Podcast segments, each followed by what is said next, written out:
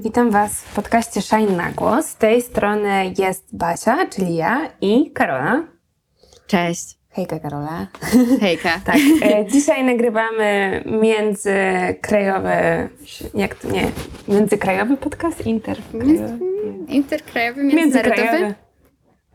Międzynarodowy podcast. e, Jedna siedziba nagrywania jest w Warszawie, w moim domu, w którym siedzę, bo jestem na kwarantannie i trochę mam już dość. A w drugim jest Karola, znaczy drugi dom to dom Karoli, który jest w Londynie. I jest tam więcej światła niż w Warszawie teraz, przynajmniej tak to wygląda. Ale jest też godzina wcześniej. No, ale u nas godzinę wcześniej wcale nie było tak jasne jak u ciebie. Mm, Okej. No, Niestety. wygrałam trochę. Trochę tak. Bo wy tego nie widzicie, ale u Karoli jest takie po prostu bijące światło od okna, a w Warszawie, ty też tego w ogóle nie wiesz, Karola, w Warszawie teraz jest jakoś masakryczna sytuacja pogodowa, bo codziennie przychodzą alerty RCB o tym, że jest wielki e, wiatr.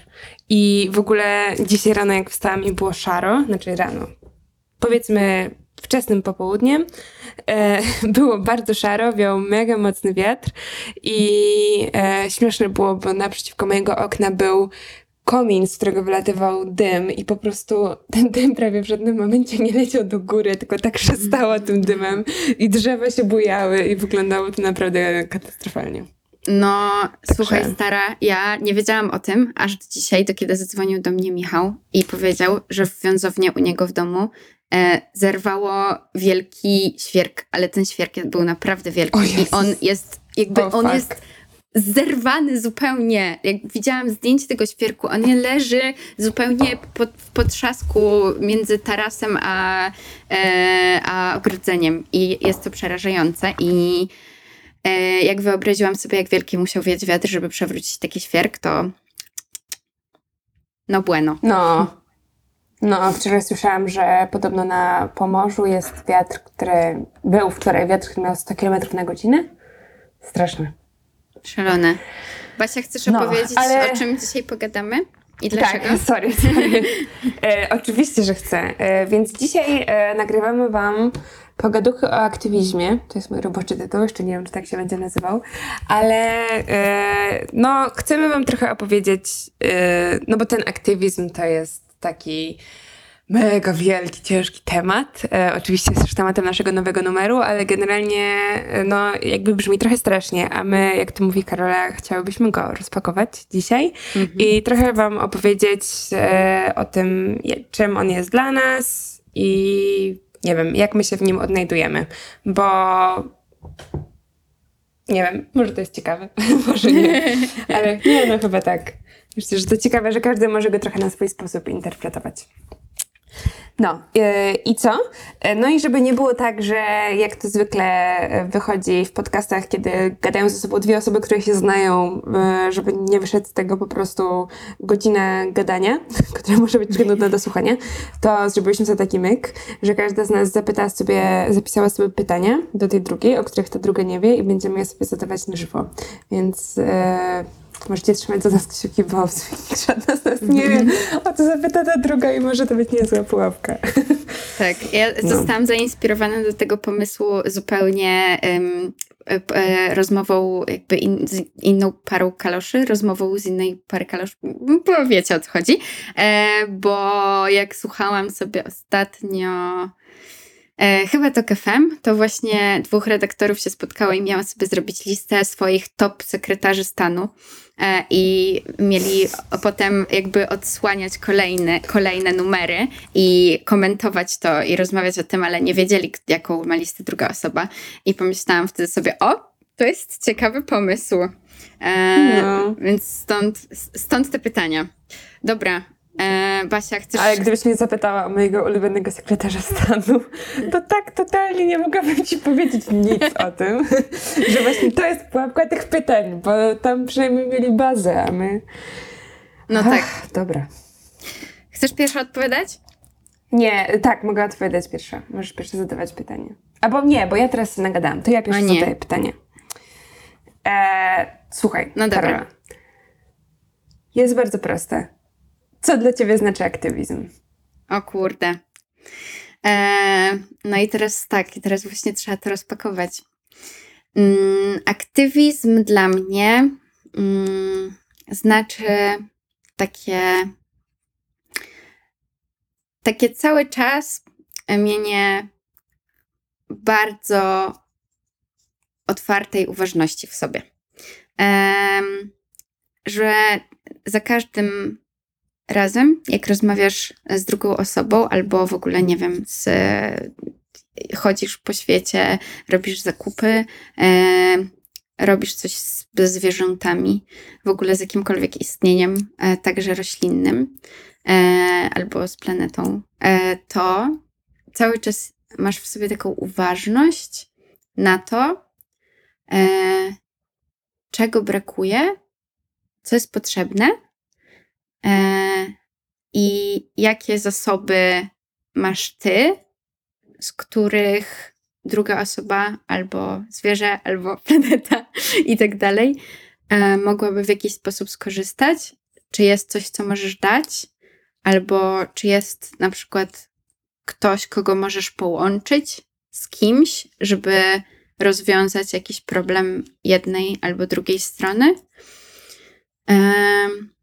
Cały czas taki po prostu um, taki coś takiego jak takie przygotowanie do biegu, że po prostu cały czas jesteś w takim um, w takiej gotowości, żeby postawić tę nogę przed sobą, e, a nie w spoczynku. Że to jest cały czas takie właśnie zastanawianie się, czy, czy możesz dać, e, co możesz dać, co możesz wziąć. E, i, I też jest dla mnie bardzo o inkluzywności aktywizm, o tym, żeby cały czas. E, myślę, że powtórzyłam cały czas w tej wypowiedzi bardzo dużo razy. E, I ale to jest chyba bardzo ważne. Tak, tak, właśnie dlatego, tak, właśnie dlatego na to zwróciłam uwagę, że, że, że mówię cały czas i cały czas i cały czas, ale myślę, że to jest znaczące, że ten cały czas, że to, że aktywizm, dobra, to teraz będzie bardzo trywialne, co powiem, ale że w pewien sposób jest jakimś takim stylem życia i wiem, że to brzmi mhm. mega tak, no po prostu jak jakaś przesłodzona beza, e, ale, ale trochę tak jest, że, mm, że aktywizm jest bardzo w codzienności, że raczej ja nie postrzegam go jako zorganizowanie raz w miesiącu jakiejś akcji, chociaż oczywiście to też może być to, ale że tak totalnie przesiąka życie i że no, życie w pewien sposób e, jest. Zaczyna być o aktywizmie, jak się zaczyna myśleć aktywistycznie. Um, I już tak o, absolutnie kończąc, to chciałam tylko dokończyć moją myśl a propos inkluzywności, że jest bardzo o tym, żeby cały czas e, patrzeć na to, kto dalej jest wykluczony, co cały czas jest wykluczane, e, dlaczego jest wykluczane, dlaczego postawiliśmy się jako człowiek, ale też jako biały człowiek, a szczególnie biały mężczyzna w jakiejś pozycji dominującej w stosunku do innych istot e, i jak można te inne istoty włączyć e, do takiej mainstreamowej społeczności, powiedzmy, e, poprzez, poprzez też dostrzeganie tej inności, ale nie bazowanie na jakichś wzorach dominacji.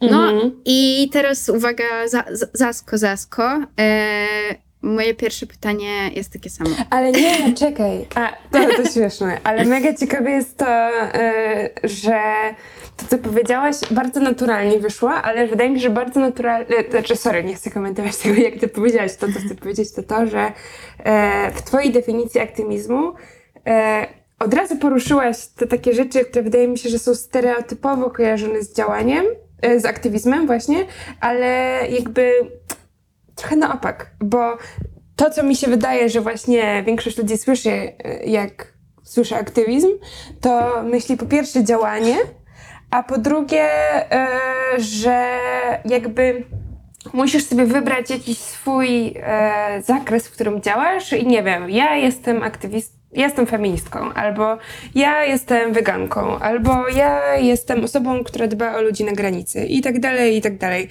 A jakby ty powiedziałaś po pierwsze o tym, zaczęłaś od tego, że właśnie aktywizm dla ciebie to jest bycie uważnym, no nie? Czyli zupełnie jakby korem tego, bo oczywiście, że na tym się opiera potem działanie, no bo jak jesteś uważny, to jakby zbierasz info do tego, co robić, ale że jakby korem aktywizmu nie jest to, że bezmyślnie działasz, tylko że po prostu cały czas musisz kminić i jakby, że to wynika właśnie z, z tego, co do ciebie przyjdzie, a nie z tego, co ty sobie wymyślisz, że zrobisz po prostu. Wiesz o co Mhm. chodzi? Mhm. No tak, No, dokładnie. A, a że druga rzecz e, to właśnie też to, co powiedziałaś o tym, że cały czas, cały czas, cały czas, e, że właśnie jakby nie masz czegoś takiego, że wymyślasz sobie swój dołek i to jest coś, co no, mi- się też, ja się bardzo z tym zgadzam, że e, wydaje mi się, że w momencie, kiedy zaczynasz tak szczerze działać aktywistycznie, ja sobie nie wyobrażam tego, że zamykasz się w jakimś swoim dołku. No nie, już kiedyś chyba w ogóle o tym gadałyśmy w podcaście, że strasznie ciężko jest wybrać to, czym chcesz się zajmować, bo jak Tak. przybierasz tę postawę tego słuchacza, to nagle się okazuje, że wszyscy potrzebują twojej pomocy i generalnie najlepiej by było, żeby każda twoja minuta życia była poświęcona komuś innemu, a jeszcze w dodatku, a na pewno już nie tobie, no nie? A jakby to też jest w sumie mm, spora część tego.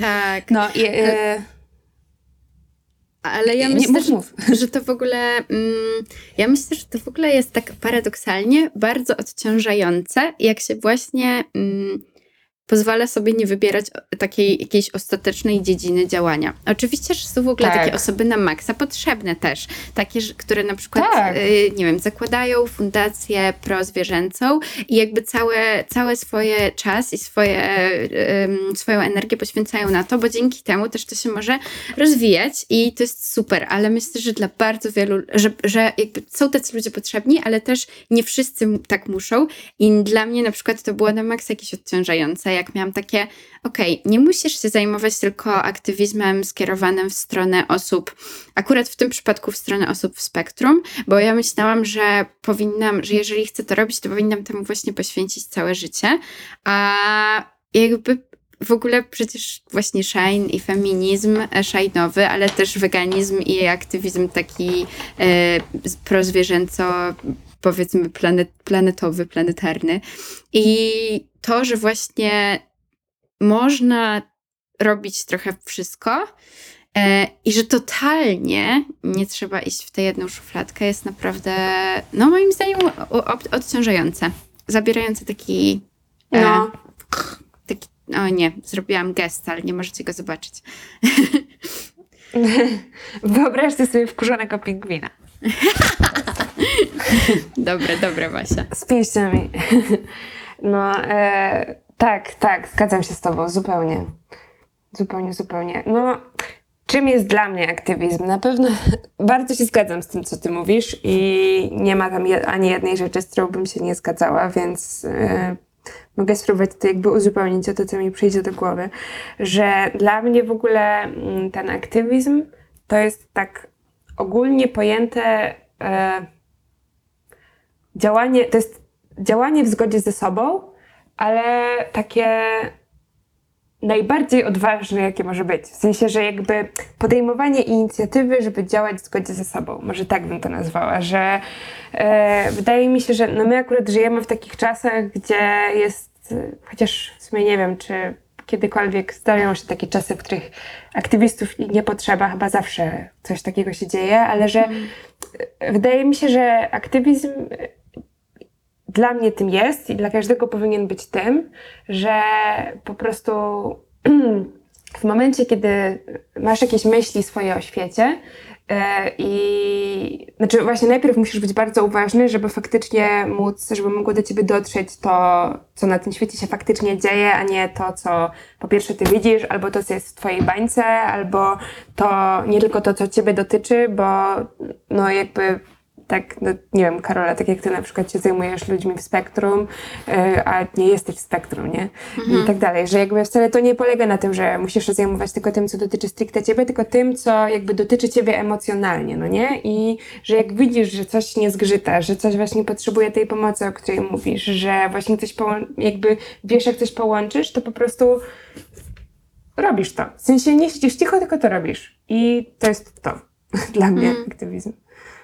No, ale jeszcze właśnie też się bardzo zgadzam z tym, co mówisz, że ta, ta codzienność jest, e, w sensie, że, e, że dla ciebie aktywizm jest codziennością, dla mnie też, też totalnie nie jestem osobą, która organizuje wielkie rzeczy i chodzi na jakieś e, milion marszów w ciągu tygodnia, ale tak się trafiło, że my takie jesteśmy, bo nie wiem, mi bardzo utknęło takie e, stwierdzenie, kiedyś był ten taki festiwal, e, znaczy nie festiwal, tylko te targi e, Kręgi. kręgi? Mhm. Kręgi, nie? No. Nie wiem, czy ty, mówiłyśmy o tym też na wizji, czy ja o tym mówiłam? Nie? No, ale że No, to możesz powiedzieć jeszcze nie raz tego odcinka. Tak, że tam byłam na takim panelu właśnie z różnymi aktywistami, no i było tam e, chyba siedem osób czy coś. E, ja jestem fatalna w pamiętaniu imion i nazwisk, przepraszam za to, ale była założycielka Too Good To Go, była e, Jar, Jarmiła, Jarmiła. ona się nazywa? Z kuchni, Jarmiła z kuchni konfliktu. Było, i no i generalnie było chyba siedem osób. Był jakiś fotograf, który jeździ na wojny i robi tam zdjęcia. Była osoba, która właśnie y, też działa w jakiejś takiej bardzo dużej organizacji, ale z kolei właśnie od... Y, od tej strony takiej technicznej, że jakby nie wiem, czy pisała jakieś, czy działała jakoś administracyjnie, czy robiła jakieś takie rzeczy. W każdym razie dzięki niej to mogło w ogóle funkcjonować, bo ona robiła te wszystkie papierki i tak dalej, i tak dalej. No i e, fajne było to, że właśnie oni też dostali to pytanie, e, jakby, no, że nie czym jest dla nich aktywizm, ale właśnie jakby jak działać, żeby działać aktywistycznie. I oni wszyscy zgodnie mówili, w sensie jakby mówili jako grupa, że to jest ciekawe, że oni tam siedzą jako przykłady takich osób, no nie, które my uważamy, że oni to są aktywistami, bo jakby są znani z tego, że są aktywistami. I oni między sobą zaczęli mówić o tym, że serio każdy powinien działać na swój sposób, bo nie wiem, zobaczcie, ja tutaj się zajmuję tymi papierkami, ale w życiu bym nie umiał pojechać na front, bo po prostu by mnie to przytłoczyło emocjonalnie, nie mógłbym żyć i tak dalej. A z kolei ja mogę to zrobić, ale kompletnie nie idzie mi trzymanie jakichś takich em, e, właśnie pieczy nad tą administracją czy papierami i tak dalej.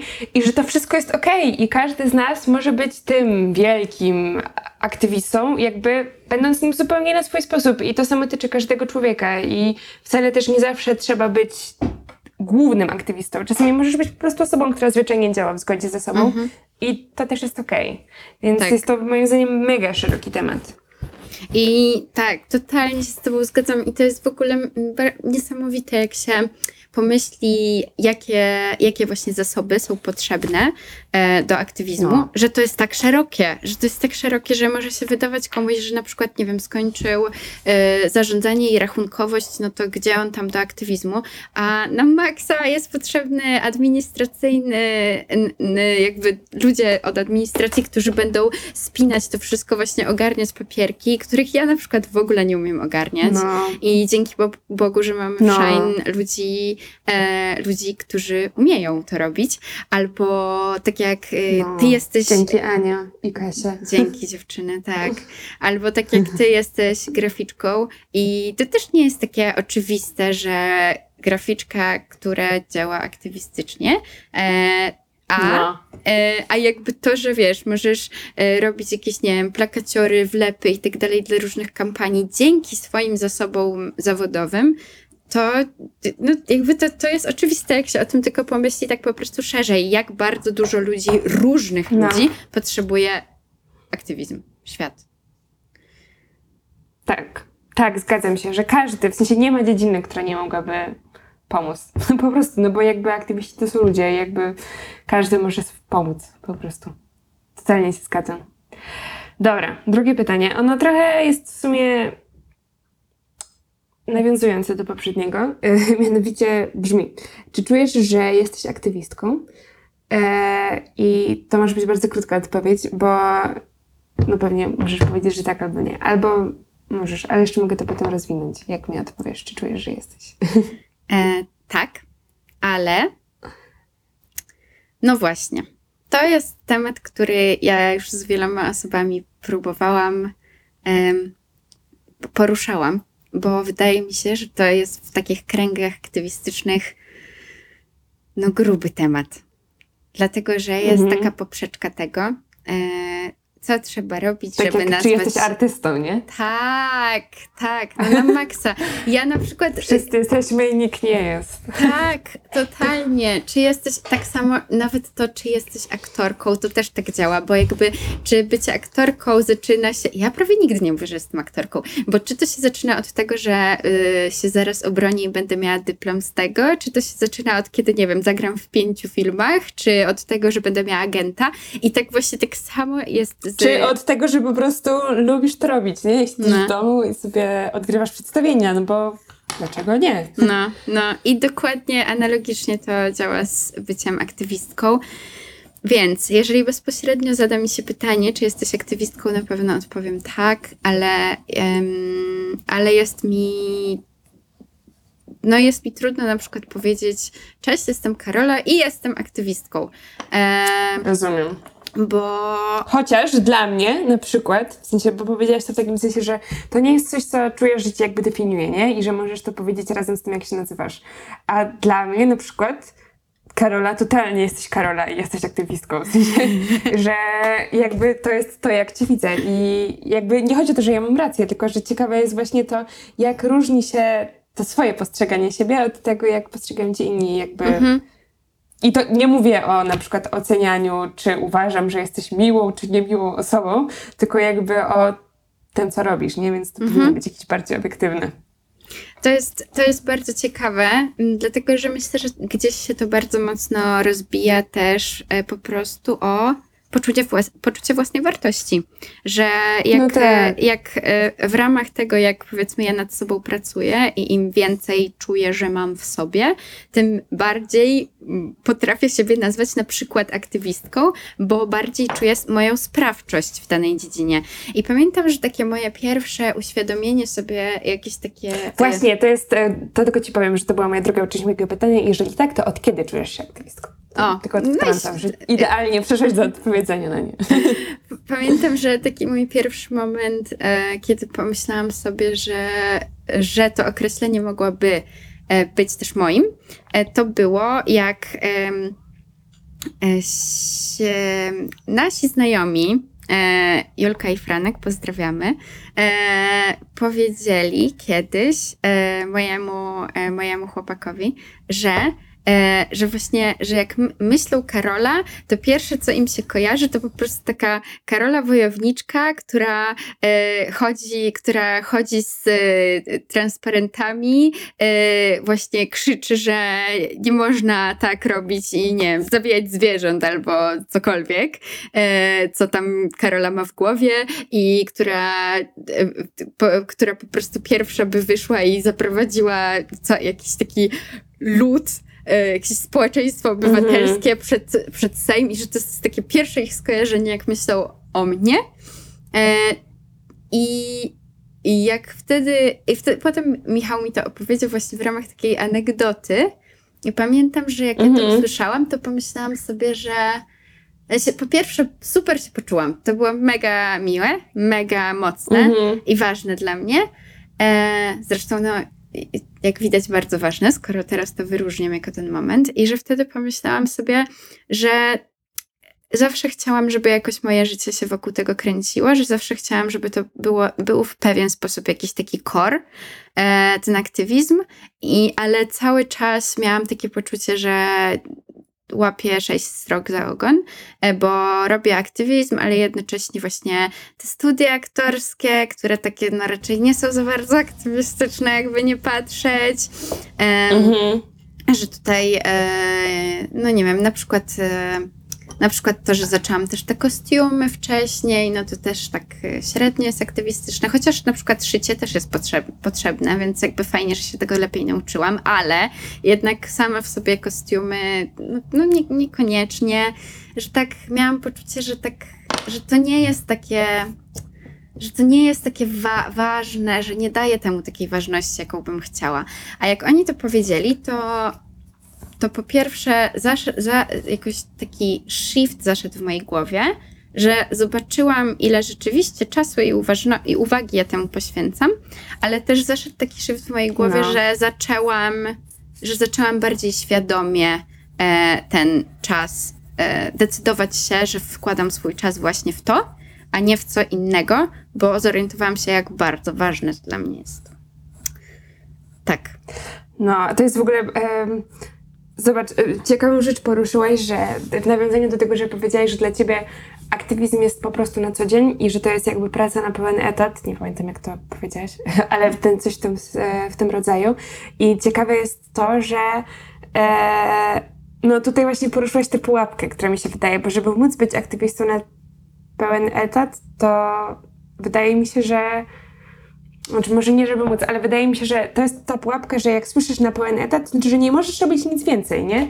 A to nie o to chodzi, bo to nie chodzi o to, że teraz każda twoja minuta życia ma być pożyteczna dla planety, tylko żeby żadna nie była szkodząca, tak jakby. Mhm. I, a to, ile z czasu poświęcisz na to, żeby pomóc, to, znaczy planety dla świata, dla ludzi, no jakby powiedziałam to w takim y, dużym uproszczeniu, e, jest okej, bo dalej jesteś sobą i ciężko byłoby wytrzymać ci psychicznie, gdybyś nagle musiała stracić całą swoją osobowość, całą swoją karolowość, karolowatość, e, nie, nie, nie grać, nie szyć i tak dalej i że to cię czyni taką aktywistką, jaką jesteś, że dzięki temu no, wiesz, w sensie, że, znaczy, to chyba co chcę powiedzieć, to to, że na pewno są ludzie, którzy są w stanie, e, w sensie nie są w stanie robić nic innego poza aktywizmem, że tak ich to rusza, ale wydaje mi się, że to w ogóle nie powinien być ten wzorzec, który mamy w głowie, że Mhm. dla mnie osobiście, ja nie mówię tego, jaki jakiś e, w ogóle przeczytałam książki, autorytet, nie wiadomo co, ale jak sobie myślę o tym, to myślę, że to po prostu byłoby,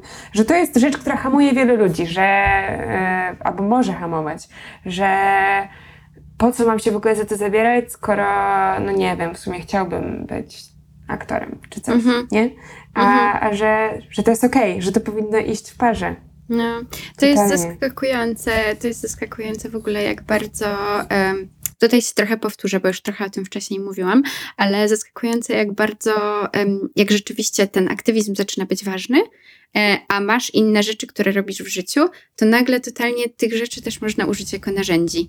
E, bo No. chociażby to, że ja teraz kończę, kończę ten licencjat, będę licencjonowaną aktorką i e, myślałam wcześniej, że pójdę na magisterkę też z aktorstwa, ale rzeczywiście ten aktywizm stał się tak bardzo ważny w moim życiu, że, że, yy, że składam teraz papiery na kierunki, które się nazywają Applied Theatre. Nie jestem pewna, jak to się tłumaczy na polski, ale które ogólnie są jakby teatrem aktywistycznym, e, można tak to nazwać, bo zajmują się po prostu tym, żeby e, bardzo bazują na relacji e, artysty i e, osoby oglądającej, czy, czy, czy, czy, czy jakoś e, odczuwającej tę tę sztukę, która powstaje, ten teatr.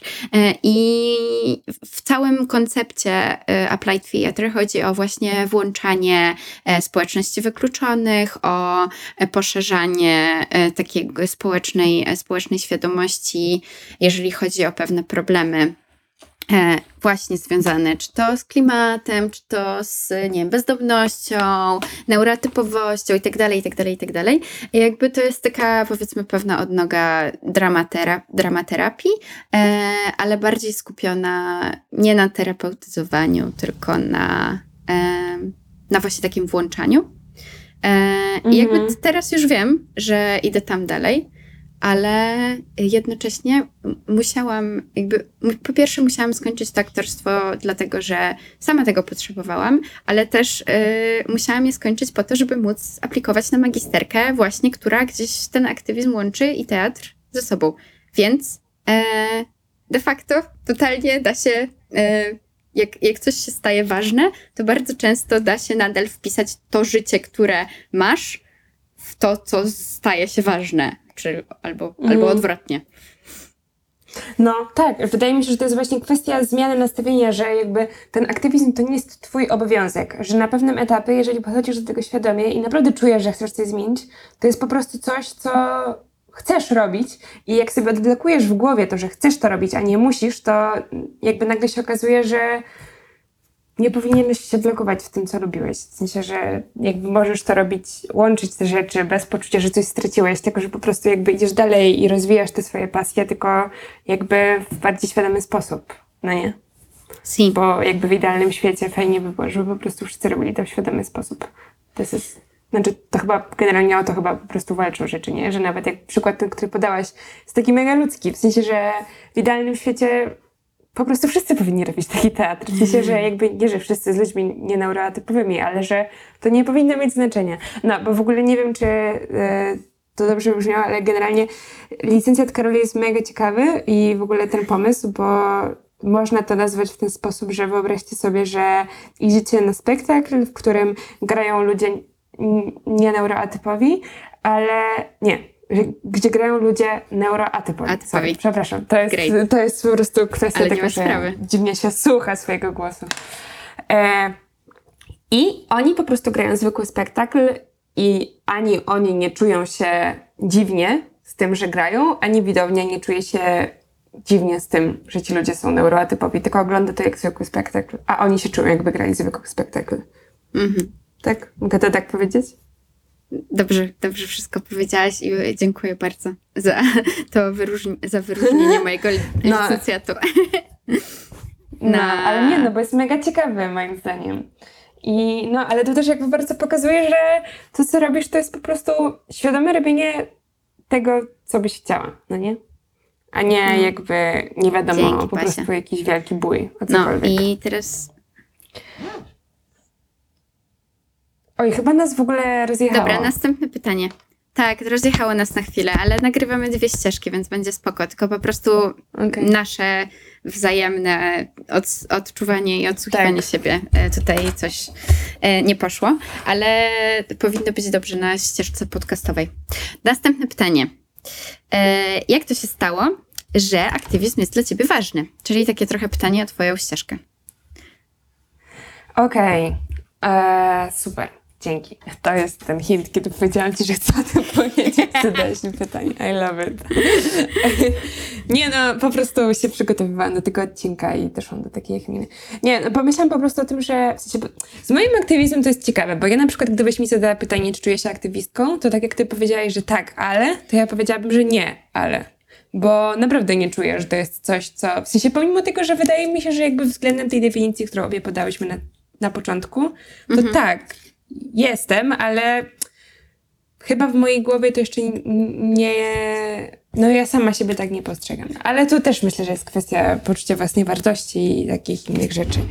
No, ciekawe jest mega to, że wydaje mi się, że właśnie u mnie ten aktywizm przyszedł tak troszeczkę z zewnątrz i mega się cieszę, że tak się stało, e, ale że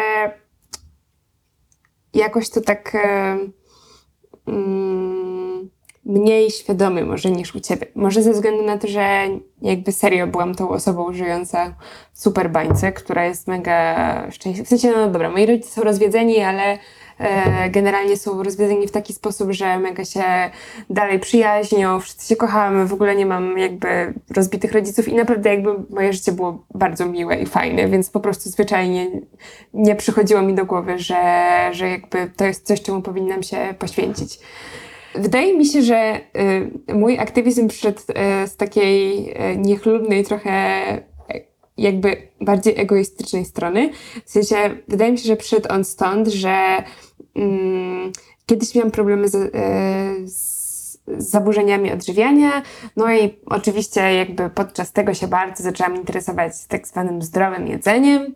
E, no i wtedy może no nie było jakieś super zdrowe, ale generalnie jakby rozpoczęło to w ogóle w mojej głowie taką myśl, że ja tutaj będę trochę inaczej to robiła niż moi rodzice mi mówili i się zaczęłam sama tym interesować i sama jakby czytać dużo o tym, jak co wpływa na co i tak dalej, i tak dalej, i tak dalej.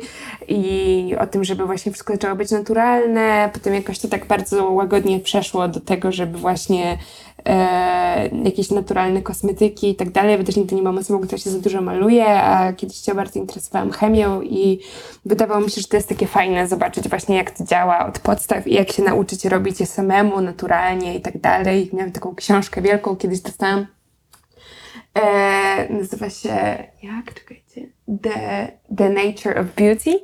I tam jakby to była taka encyklopedia tego, e, jakby jak różne substancje na nas działają, jak można sobie samemu zrobić tak kosmetyki z takich naturalnych składników, jak co czym można zastąpić i tak dalej. No i tak coraz bardziej, coraz bardziej się wtła- wtłaczałam taką ścieżkę, żeby jednak robić coś samemu, w nie takim typowym nurcie i żeby dbać właśnie o jakby naturalne rzeczy i planety i tak dalej, ale jakby podkreślam, to byłam wtedy dzieciakiem i wydaje mi się, że to wtedy wynikało z tego, że jakby ja chciałam wyglądać dobrze, ja chciałam mieć zdrowe włoski i tak dalej, nie było to takie mocno aktywistyczne.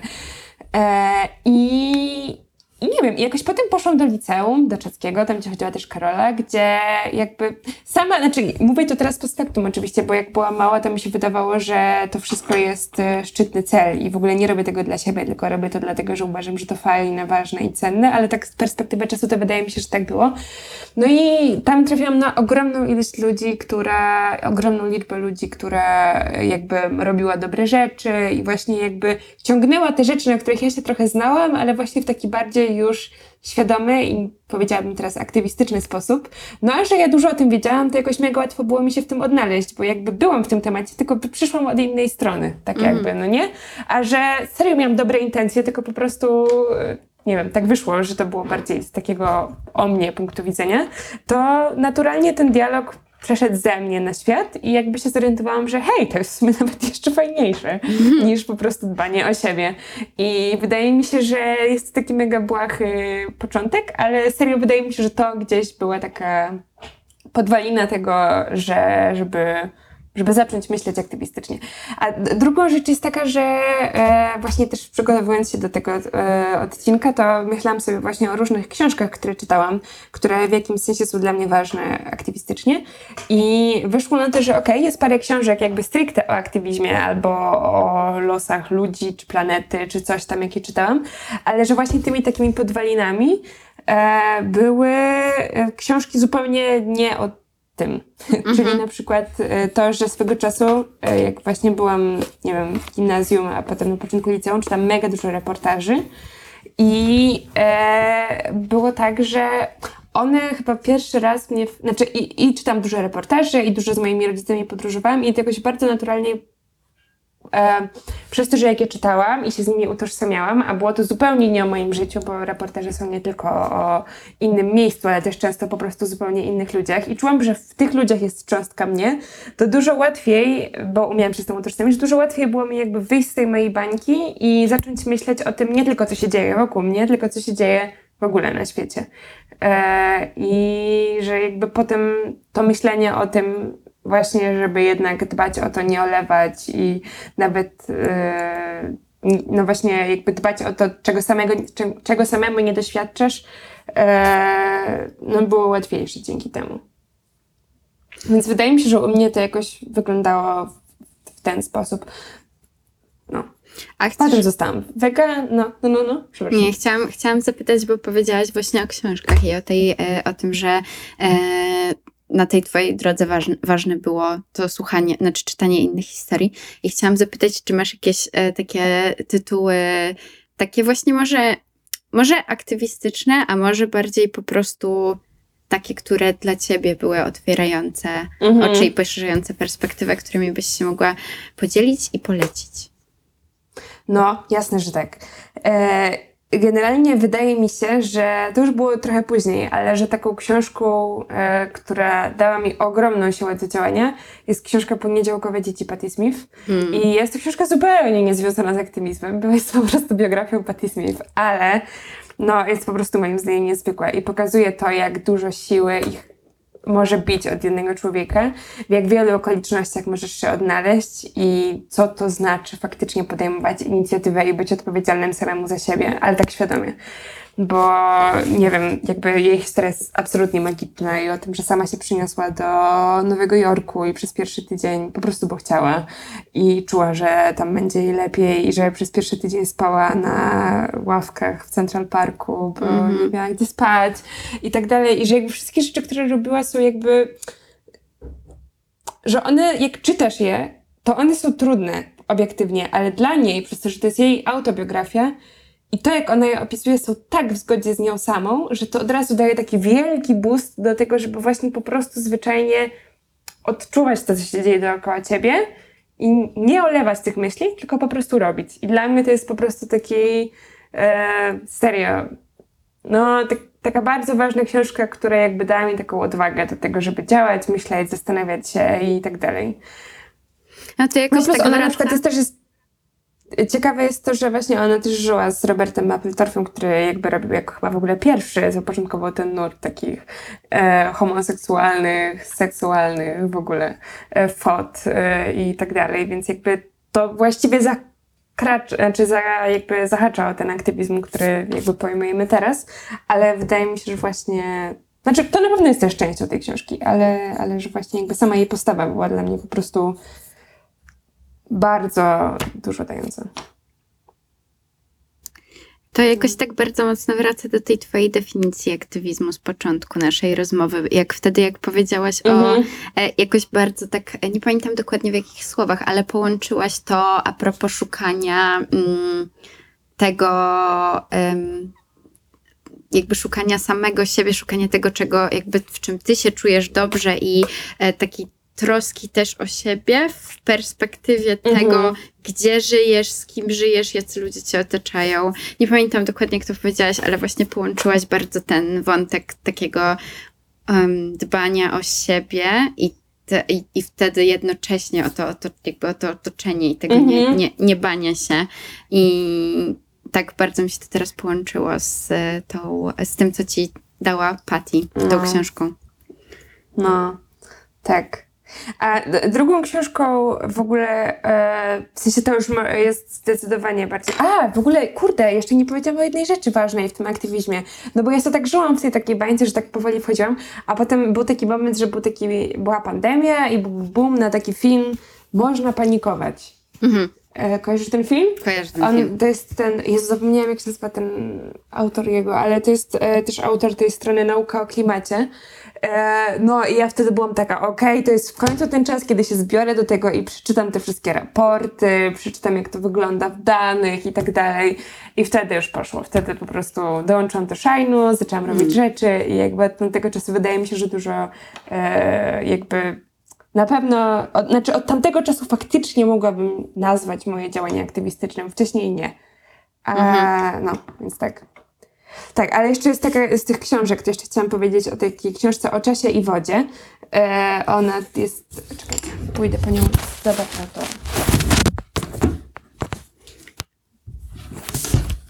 Bo ja mam, tam głupia nie sprawdziłam, jak nazywa autor. Andris Naer Magnason ją napisał i jest w ogóle z charakteru, więc każdy może sobie ją nabyć, kiedy chce. I e, albo pożyczyć od kogoś, albo przeczytać jakkolwiek, nieważne. E, no i to jest książka w sumie, wydaje mi się, że można już ją nazwać z rangi tych książek właśnie o klimacie, o aktywizmie i tak dalej, ale właśnie z tej takiej trochę bardziej magicznej e, strony i takiej wewnętrznej, o której mówiłam też wcześniej, bo e, to jest książka osoby, która, w sensie ten Andri jest z Islandii i tam się urodził. No i wiecie, generalnie to jest tak, że Islandia, nie wiem czy byliście kiedyś na Islandii, ale ja byłam i po prostu dla mnie to było mega magiczne przeżycie, bo nigdy wcześniej nie czułam tak bardzo tego, że jakby żyję na planecie, no nie? Ale tej takiej planecie, którą widzimy, jak wpiszemy zie- planeta Ziemia, nie? Że to jest kulka wielka w przestrzeni i ma te swoje skały i kontynenty i rośliny, a nie, że po prostu ten mój dom, miasto i wszystko, co mnie otacza. No i ludzie, którzy tam żyją, jakby wiecie, mają kontakt z tym na co dzień, w sensie mają wielkie wulkany na wyspie i, i jakby lodowce, które topnieją i tak dalej. No i jakby tam jest takie źródełko tego kontaktu. E, I no, to jest mega magiczna książka, w której on właściwie po prostu opowiada o tym, jak on widzi świat, przyrodę, w sensie jakby w kontekście oczywiście katastrofy klimatycznej, ale właśnie jest to niby podobne, bo jakby to nie jest tak, że on pisze jakimś dziwnym językiem, ale widać, że on zupełnie innym jest mentalnie świecie, jak to pisze, że jest, e, a jakby jakby opisuje tę planetę tak jakby w jakimś sensie miał większy dostęp do jej poetyckości Mhm. i jakby bardziej ją rozumiał. E, I to jest moim zdaniem bardzo ważne, żeby e, w sensie, że na przykład to jest coś, co ja też czuję, no nie? W sensie może nie czułam tego tak bardzo na co dzień, ale jak już to raz przeczytam, to mam takie poczucie, wow, o to chodzi, dlatego tak bardzo chcemy wszyscy o nią dbać, bo to nie chodzi tylko, w sensie oczywiście chodzi też o to, żeby nam wszystkim było dobrze i żeby nie było huraganów i e, żeby wszystko nie wyschło i żeby nie zaczęło być nagle jakichś wielkich migracji klimatycznych, ale że jakby że można też o tym myśleć tak stricte personalnie, no nie? Że, że jak bardzo chcesz, żeby po prostu to dalej zostało tak pięknie i tak magiczne i że naprawdę robisz komuś krzywdę fizycznie, tak jak wiesz, że nie chcesz robić krzywdy zwierzęciu, tak nie chcesz też robić krzywdy tam.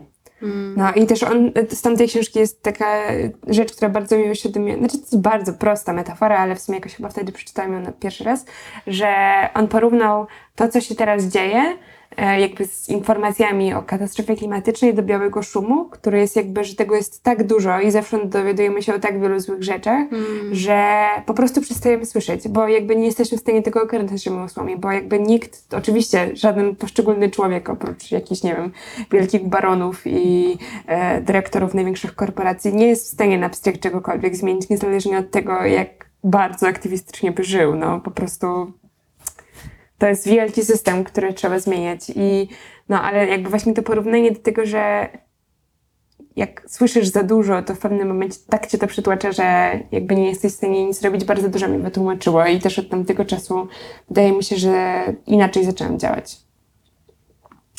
Także tak. A czytałaś tę książkę Zjadanie zwierząt? Nie, właśnie nigdy tego nie czytałam. Mm. A ty czytałaś? Tak, właśnie myślę, że mm, myślę, że to by była jakaś taka moja, moja polecajka, jakbym miała powiedzieć jedną, chociaż y, t- jest tak naprawdę, jakbym się tak nad tym zastanowiła, to pewnie bym w ogóle nie wybrała jednej i byłoby to bardzo trudno, bardzo trudne, No. bo dużo takich pozycji mi od razu przychodzi do głowy, e, ale tak intuicyjnie, gdybym miała tak po prostu odpowiedzieć w trzy sekundy, to bym pewnie powiedziała tę książkę, chociaż ja ją akurat już przeczytałam, jak już byłam od lat weganką, więc ona nie, mm, chyba nie zmieniła dla mnie tak bardzo dużo w takiej mojej codzienności, że na nią jakoś wpłynęła, E, ale, ale, ale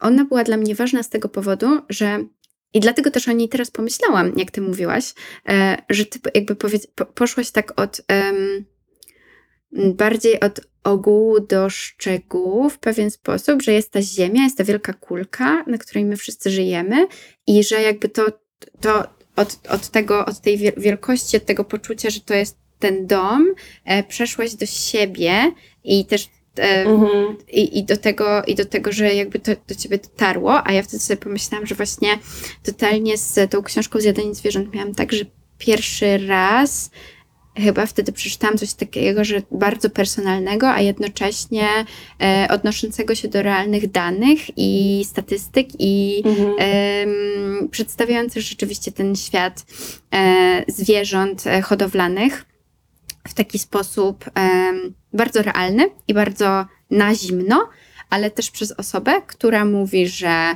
próbowała weganizmu, nie dała rady, potem zaczęła znowu jeść e, mięso, potem znowu przestała jeść to mięso, że gdzieś miała z tym problem, też jakąś trudność, że odkrywała kolejne rzeczy i no, ten autor bardzo wpuszcza, bardzo wpuszcza w po prostu swoje doświadczenie jakieś e, zjadania i niezjadania zwierząt i i z kolei on przechodzi od swojego doświadczenia e, Mhm. bardzo takiego po prostu domowego, kuchennego e, do takiej szerszej perspektywy właśnie jak wyglądają fermy, hodowle i w ogóle produkcja, jeśli chodzi o jedzenie.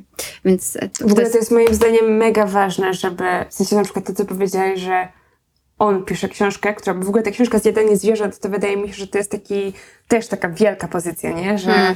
większość ludzi, jak zostajesz weganem, weganinem, to mówi ci, ej, a czytałeś tę książkę? No Mm. i, e, no i że nawet, wiecie, w tej Biblii takiej ludzi, która przekonuje ludzi na weganizm, jest gość, który mówi, że też nie dawał rady i że też jadł mięso. I to jest totalnie ludzkie i totalnie tak jest. I jakby ja się na przykład bardzo przyznaję, że ja też tak miałam i że też jakby najpierw zaczynam przestawać jeść mięso, to byłam taka, że miałam mega rozjazd pomiędzy tym, co myślałam na początku, że nie wiem, wychowywałam się w domu, gdzie jadło się dużo ryb i dużo takiego zdrowego mięsa i że dla mnie to jedzenie było bardziej tym pożytkiem dla mnie, a nie tym, czym ono jest samym. No nie w przypadku zwierząt to jest właśnie takie obrazujące, że jakby to jest jedna sprawa, jak ona wpływa na ciebie, ale też inna sprawa, jak czują się te zwierzęta i jakby jak chcesz postępować etycznie. E, Że tutaj i, i można to rozdzielić, no nie? Ale też mam z tym mega problem. Tak samo w e, tym filmie można panikować. E, też pamiętam, że bardzo fajne było to, że e, ten autor powiedział, że ale to nie jest tak, że jakby, no bo to jest film, który jakby mówi o tym, że serio, że już jest strasznie i że trzeba się naprawdę wziąć w garść, bo inaczej to w ogóle znaczy, dobra, żartuję, to nie jest taki film, on przedstawia dane różne i tak dalej, ale jakby konkluzja no, nazywa się Można panikować, więc generalnie chodzi o to, że e, jakby pokazuje generalnie, że naprawdę musimy wziąć się w garść i jakby nie żyć tylko tak, jak nam wygodnie, tylko nawet zrobić większy wysiłek niż powiedzmy byśmy musieli robić, gdyby nie to, że już dużo rzeczy zostało popsutych i jesteśmy troszeczkę daleko za granicą e, tego, jak powinniśmy żyć. No to, że on też mówi, że to, on też czasem jeździ samochodem, no nie? W sensie, że to nie jest tak, że jakby w momencie, kiedy wiesz, że coś jest bardzo nie tak, to nagle dostajesz oświecenia i w ogóle jesteś niezniszczalny, nie śpisz, tylko piszesz ważne teksty, nie jesz zwierząt, nie jesz niczego od tego, w ogóle nagle nie używasz w ogóle plastikowych opakowań ani nic, bo to jest serio nierealne, trzeba byłoby zwariować, trzeba byłoby żyć w jakiejś wielkiej jaskini, żeby po prostu nie mieć żadnych bodźców, jakby nigdy nie być w sytuacji, kiedy na przykład, nie wiem, jesteś mega w biegu, jedyne co masz to automat, na przykład z jedzeniem i jakby możesz albo piątą godzinę z rzędu nic nie jeść, albo kupić sobie sneakersa i to jest okej, w sensie nie mam tu nic złego, nie? No. No, ale że to jest jakby, im, im częściej się to słyszy od takich autorytetów, wydaje mi się, że to jest po prostu bardzo ważne, żeby o tym mówić, że serio jesteśmy ludźmi, że serio to nie jest tak, że w pewnym momencie rzeczy przestają być dla ciebie trudne, tylko, znaczy na pewno się po prostu jakby im bardziej coś rozumiesz i im bardziej robisz to dlatego, że chcesz, tym jest dla ciebie łatwiejsze, no nie? Tak jak to nie jest tak, że teraz ja jestem weganką i każdego dnia sobie myślę, ale bym zjadła steka. Tylko jakby serio, nie chcę jeść tych rzeczy, ale to nie, jakby to jest też ten case, wydaje mi się, że tak jak wiele osób myśli sobie, że jak jesteś na przykład wegetarianką, wegetarianinem albo weganką albo weganinem i siedzisz przy stole z ludźmi, którzy jedzą mięso, to na przykład, nie wiem, ja pamiętam, że kiedyś jak byłam na... E, jakby przeszłam na ten wegetarianizm tak oficjalnie i byłam na jakimś śniadaniu u rodziców mojego chłopaka, to jakby jego tata był taki, że postawił koło mnie talerz z szynką na śniadaniu i był taki, o nie, i to od razu przestawił, no nie? I jakby tak jakby trzeba było ukrywać to, że inne osoby jedzą mięso albo że ono tam jest. Znaczy to akurat było, w, jakby totalnie to rozumiem, ale chodzi o to, że jakby w całym tym działaniu wydaje mi się, że nie chodzi o to, żeby wymyślić, w sensie, że powinno się rozumieć, że każdy jest na jakimś swoim etapie rozumienia tych rzeczy. Warto zachęcać, warto o tym gadać i tak dalej, ale to, że na przykład ktoś je mięso, a na przykład ty jesteś osobą, która uważa, że nie powinno się tak zrobić, to nie znaczy, że od razu skreślasz tego człowieka. Nie. Mhm. Dobra, Basiula, ja Sorry, myślę, się że... rozgadałam. Ja, nie, no nie, super, bo to było wszystko mega wartościowe, więc y, na maksa, na maksa super że się rozgadałaś. Y, Ale myślę, że chyba y, zostaniemy na te, tej liczbie pytań, którą zdążyłyśmy zadać, bo już mamy prawie godzinę. O Jezu, serio? Najgorzej, ja mam jeszcze No. dwa. 53,5 minuty teraz minęła. Najgorzej, najgorzej. No to musimy może zrobić dwa odcinki. Możemy, Bo możemy ja mam jeszcze dwa ważne pytania, naprawdę ważne.